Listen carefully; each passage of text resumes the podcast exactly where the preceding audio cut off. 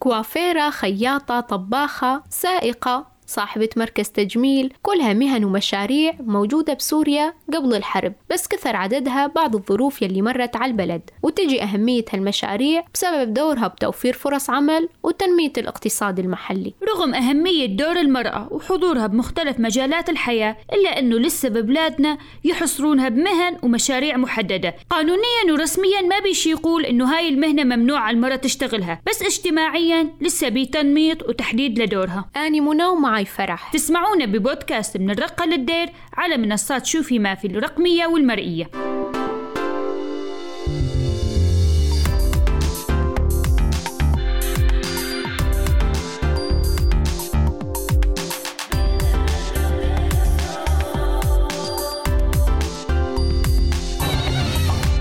من الصعب أنه نحصي عدد المشاريع النسائية الصغيرة الناجحة والمستمرة أو يلي وقفت بسبب الظروف بالرقة ودير الزور. بس بشكل عام بحركة بهالشي وتقبل اجتماعي صاير أكثر لهالقصص مقارنة بقبل. صرنا نسمع عن سائقات تكاسي شرطيات مرور مديرات مراكز تعليمية مو بس قابلات وممرضات وأنسات وكوافيرات. خصوصا بالرقة والقامشلي ممكن بالدير بشكل أقل. وهذا الشيء أتوقع بسبب تدخل الجهات الرسمية أو المنظمات بشكل مباشر بهالعملية. أما بريف الدير لسه الإمكانيات محدودة والبرامج والمشاريع قليلة مقارنة بغير مناطق. طبعا قام نحكي عن المشاريع الأساسية فما بالج فرح بالمشاريع الفردية. طبعا نحن حكينا سبب هالشي من قبل وضع المنطقة الحساس من جهة وبالتزامن مع عدم جدية الجهات الرسمية والمنظمات بطرح مواضيع تحسن الواقع. مراسلنا عبودي لخص لنا أهم الدورات والمشاريع اللي صارت مؤخرا بالمنطقة. نسمع منه سوا. يعاني ريف دير الزور من إهمال المنظمات والجهات المختصة. بالكثير من المجالات ولا سيما بمجال التشغيل ما ببرامج ومشاريع حقيقية للشباب بشكل عام. وضع مشاريع النساء سيء بشكل خاص خصوصا مع أزمة كورونا. بمشاريع فردية تصير هون وهم مثل كوافيرة خياطة يعني محل أدوات منزلية بس ما بدعم حقيقي. بنفس الوقت دار المرأة ركزت على دورات محل الأمية والخياطة وقص وتزيين الشعر وكررتها أكثر من مرة. صارت بعض النساء تشتكي من قلة الدورات وتشابهها وبعض الأحيان يصير بواسطة بالموضوع. بالمقابل منظمة UNDP عملت دورات تدريب على الخياطة والحلاقة النسائية والنساء الأوائل حصلوا على معدات لافتتاح مشاريعهم. زاد تم افتتاح مخبز المرأة بمنطقة الكسرة بريف الدير وصلت تكلفته إلى 25 ألف دولار أمريكي وتم افتتاح ورشتين للخياطة بالريف الغربي. مع ذلك ما نقدر نقول أنه مشاريع المرأة شغالة والأمور جيدة. لسه بنقص كثير ونسبة بطالة عالية بين النساء حتى اللي وضعهن جيد وعندهم تعليم وعندهم قدرة على العمل.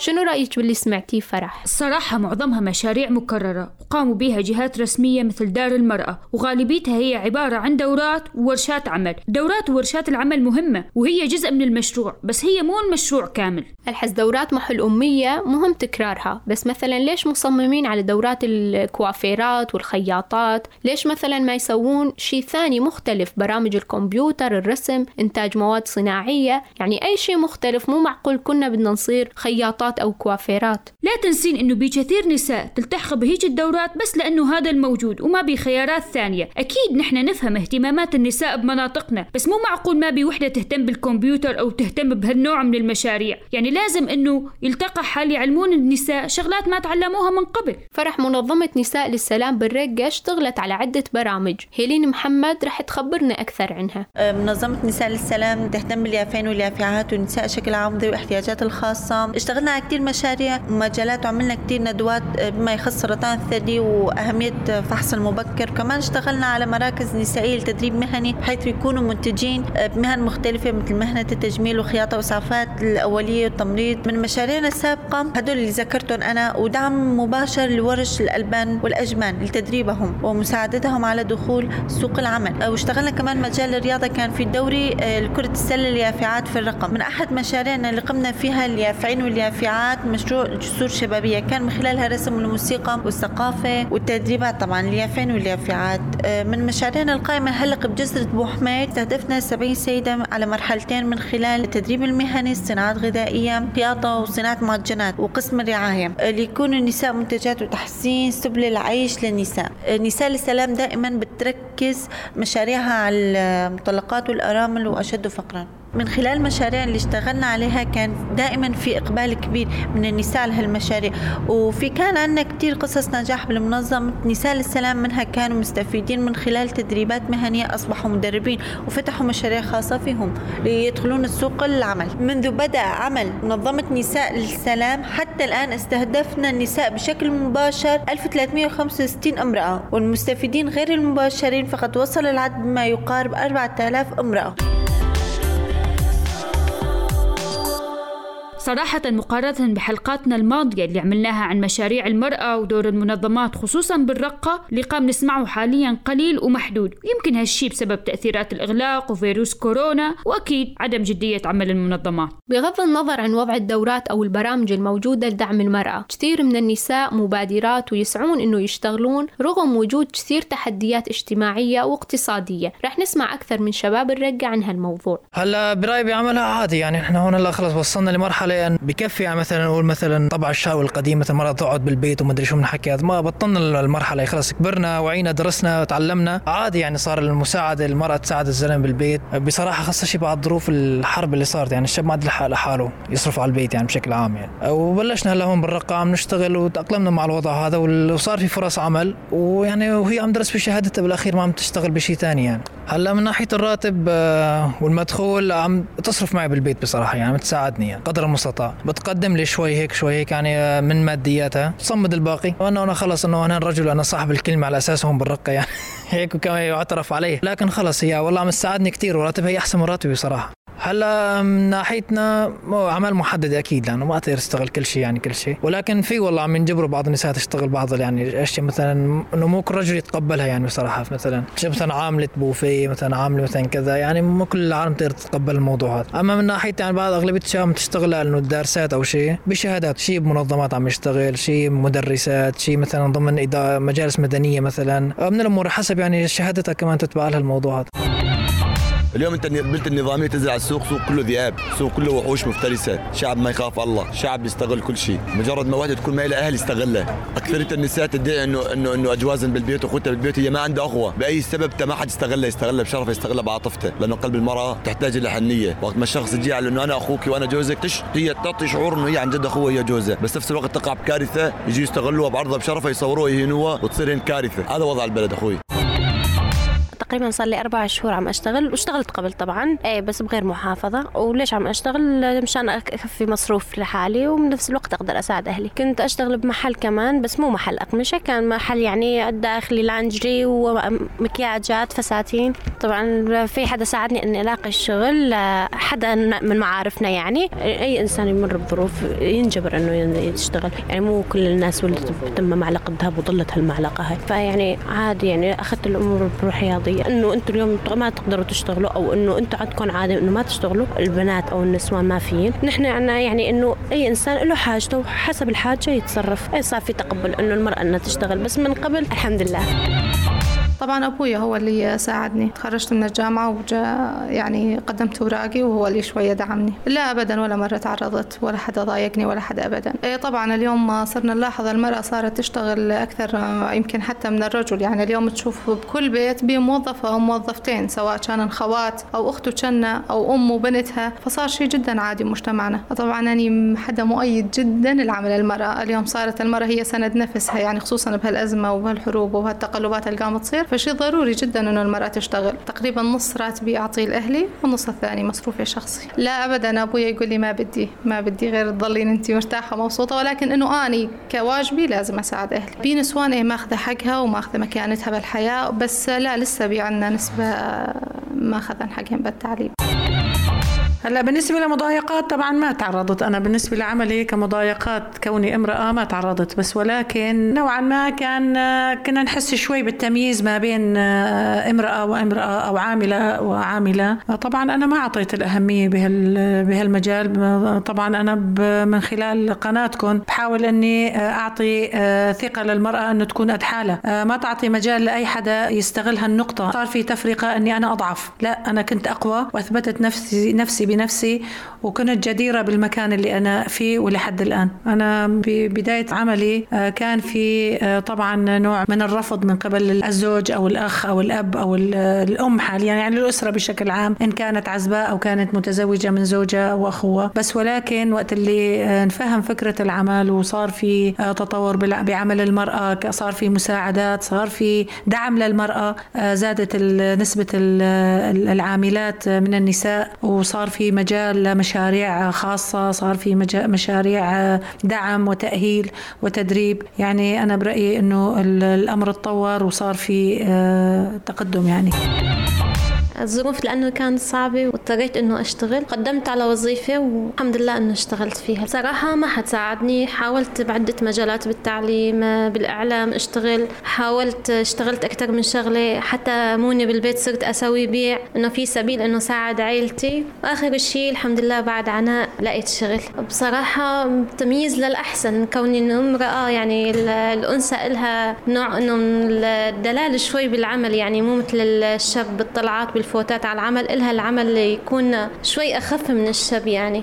وبالنسبة للراتب ما بيكفيني حتى أسبوع. باخذ راتب إنه بدي أقول بدي أجيب أكل للبيت للأولاد بقول لا بدي أجيب لبس. بقول لا بدي أجيب كتب ودفاتر ومستلزمات دراسية ودورات ولا بقول لحالي لا بدي أطالع الأولاد في شيء مشوار. وآخر شيء كل هدول ما بسوي. لأني ما بكفي شيء راتب. أه، بصراحة أنا بحط الراتب بالبيت أه، بشيله بحطه تحت اسفنجة لأنه أكثر من يومين ما بيطول. بجي بكفي على الاسفنجة بعد يومين وين بلاقي مو ضل منه شي بصراحة. الراتب اللي يطير التمييز بين العمال حتى لو كانوا بنفس المجال والمستوى شغلات ثابتة ولا تتغير ببلادنا لا بحرب ولا بغيرها. يعني بهالظروف والغلاء أسمع عن أجور قليلة ما تطلع تغطي أجرة مسافة الطريق. ما أعرف يمكن بهالحالة الواحد أوفر له يقعد بالبيت وما يشتغل. عداج فرح إنه لسه بي مؤسسات ومنظمات تدفع للرجل أكثر حتى لو نفس المهمة. أتذكر من كم سنة اشتغلت بشركة بالشام وكنا موظفين شباب وبنات ونفس المستوى العلمي. عطونا نفس الراتب. راتب بس نحن النساء خلونا نشتغل ست أيام بالأسبوع والشباب خمسة. إنه ليش ما حدا يعرف؟ واللي يعترض أكيد الله معاه يمكن أحسن الشيء الواحد بهيك الظروف وعدم وجود قوانين حقيقية منصفة خصوصا بالقطاع الخاص إنه الواحد يشتغل مشروع فردي. هو اللي يحدد بيه دوره وشغله وأجره. طبعا شكون ما كان هالمشروع وحتى لو مكرر يمكن يظل أفضل. فرح نحن من شوي قلنا إنه ما يصير كل النساء تصير كوافيرات بس طبعا نحن ما نقلل من أهمية هالمهنة وصعوبتها وإنه الواحد لازم يتعلم وينتبه ويطور حاله ويلاحق الموضة أكيد وهو قام يشتغل بيها. امل كوافيرة بالرقة راح تحكي لنا عن مشروعها الخاص. أه، بلشت المشروع تقريبا من ثلاث سنين. سويت المشروع لأنه شفت إنه إنه التزيين وتجميل المرأة هو شغلة أنا أحبها وأحب أشتغل بيها يعني وأنا مبدعة بهالموضوع هذا. مشان هيك قررت إني أشتغله. ساعدتني أختي ساعدتني أمي وأهلي كلياتهم. آه، تدربت عند كوافيرة طبعا. آه، وبعدين فتحت المشروع لحالي النساء اللي حوالي طبعا كلهم حبوا الفكرة. يعني إحنا مجتمعنا غالب عليه الأنوثة. فالكل حب الفكرة هاي والكل لاقى المشروع استحسان منهم. كان قرايب ولا جيران ولا معارف ولا حتى الكوافيرات. صديقاتي واللي أعرفهن كلهن شجعني على هذا الموضوع. آه، بالنسبة للرخص والتنسيقات مع الجهات الرسمية أول ما بلشت بلشت آه، بلشت من البيت لأنه كان بده تمويل يعني. بلشت من البيت وعدة بسيطة. بعدين فتحت صالون برا. فلما كنت بالبيت لا ما احتاج الموضوع أي تنسيق. لما طلعت برا إيه بس تنسيق يعني الأمور كانت سهلة جدا يعني. الصعوبات اللي واجهتها من التمويل ما كان عندي تمويل. يعني بلشت تقريبا من أغراض اللي بالبيت. آه، شوي شوي طورت. جبت أغراض من برا وصيت على أغراض من اللاذقية ومن هلا مكاناتها. وانطلقت يعني الحمد لله بمشروعي بمحل برا بصالون. الصالون. الكوافيرات لساتهم يتلقون تهديدات. إيه في كوافيرات يتلقون تهديدات ولكن أنا ما تلقيت أي تهديد. ممكن مرة في أحد الأيام يعني إنه مثل الملاسمه صارت ولكن إنه تهديد بشكل رسمي لا ما تلقيت أي تهديد. الناس اللي حوالي كثير حبوا من المشروع دعموني بالفكرة. طبعا مو الكل بي بعضهم أكيد أكيد يعني كانوا معارضين إنه ليش وضيعين وقتك؟ عندك شهادات روحي اشتغلي بشهادتك. ليش إنه تفتحين صالون وكوافيرة؟ هالكلام هذا وبي ناس لا ساعدتني كثير ودعمتني إن كان ماديا ولا معنويا ولا حتى بالشغل معي بالصالون. يعني لما أكون أنا لحالي وبي عندي أزمة إنه يجوني يساعدوني زاد بالصالون. فبي أكيد من الطرفين ولكن الدعم كان أكثر. الرسالة اللي حابة أوجهها للنساء. لا وحدة توقف كل وحدة تلحق حلمها. أنت شنو حلمك؟ امشي وراه آه، لا تردين على الناس اللي تثبط معنوياتك. لأنه هذا حلم والواحد لازم يلاحق حلمه على طول. لما يكون أنت عندك هدف ويكون الهدف هذا قابل للتحقيق أيضا يعني. لما يكون هالهدف هذا تقدرين تحققينه حتى لو كان بعد خمس سنين أو ست سنين معلش بلشي بيه شغل. ولا تقولين ألحز وبعدين والسنة الجاية ويلا وبعد شهر. أي مشروع تريدين تبلشين بيه بلشي من اليوم لأنه الحلم حلمك والهدف هدفك وعلى طول ظلي مع الناس الإيجابيين. حلو كثير إصرار أمل على التعلم والبدء بشغلها الخاص. يعني حتى لو اشتغلت على شيء موجود وبي منه كثير بس هالمجال وهالصنعة اللي يميزها الإتقان. وفعليا ما بي وحدة تروح على صالون أو كوافيرة إذا صاروا خرب لها شعرها مرة. بالمقابل بنساء حبت تتعلم شيء مختلف. أمل من الدير طالبة صيدلة وقام تتعلم صنع المواد ومستحضرات التجميل الطبيعية والعشبية. رح نسمع قصتها مع بعض. من لما كنت صغيرة كنت حيل أعاني من البشرة الحساسة. كل ما أكبر كل ما يزداد الأمر سوء. وما كنت لا أقدر أحط أي كريم ولا مكياج لأنه فورا تتحسس ومنظره بحيل يطلع مو حلو وحتى شعري كان بحيل يهر. ورحت على دكاترة وكلهم شي يقولون بسبب سوء التغذية شي بسبب النحافة. ما كنت أستفيد أبدا من أدويتهم. كنت أحيانا أستعمل مواد طبيعية ما فيها مواد كيميائية ما فيها عطور. وهالقصص كانت يعني شوي تعطيني تحسن تعطيني شوية أمل. المهم كنت دائما أدور على تركيبات أعشاب ومن مواد طبيعية فصار عندي شغف لأنه بدي أحل مشكلتي. دراستي هي كانت شغف بهالموضوع وقررت أنه خلال دراستي أتدرب عند صيدلاني. وكان عندنا صيدلاني بحيل مشهور ودارس برات البلد وأخذ ماجستير بالطب البديل والأعشاب. وقررت أتدرب عنده وحتى كان حلمي أكمل ماجستير بأي دراسة تخص هالأمور. المهم بعد ما اشتغل قررت اشتغل عنده الحمد لله توفقت واشتغلته تقريبا طولت عنده شي سنة وأربع شهور وتركت لأني كنت مضطرة مشان آخر سنة بالتخرج مشان التخرج. وابدا ما كان الموضوع سهل. بالبداية حيل بحيل صعب لأنه أي غلطة بسيطة ممكن تأذي المريض بحيل وممكن تضر الصيدلاني وسمعته. وتعذبني وتضرني أنا يعني ممكن أنفصل بهالموضوع. بس الحمد لله استفدت بحيل عنده وتعلمت كثير أمور. يعني خلطات لنظارة البشرة علاج مشاكل الشعر يعني مواد زيوت طبيعية زي جوز الهند الأفوكادو الجليسرين يعني أمور كثيرة. وخلطات للكبار وللصغار وتصير. تعلمت بحيل عنده تركيب أدوية. يعني شي للتنحيف للتسمين شي أمراض يعني تحسسية بس يعني كنا نتدخل بأمور كثيرة لأنه تعرفون يعني العالم تروح على الدكاترة بس أمور التجميلية كانوا يروحون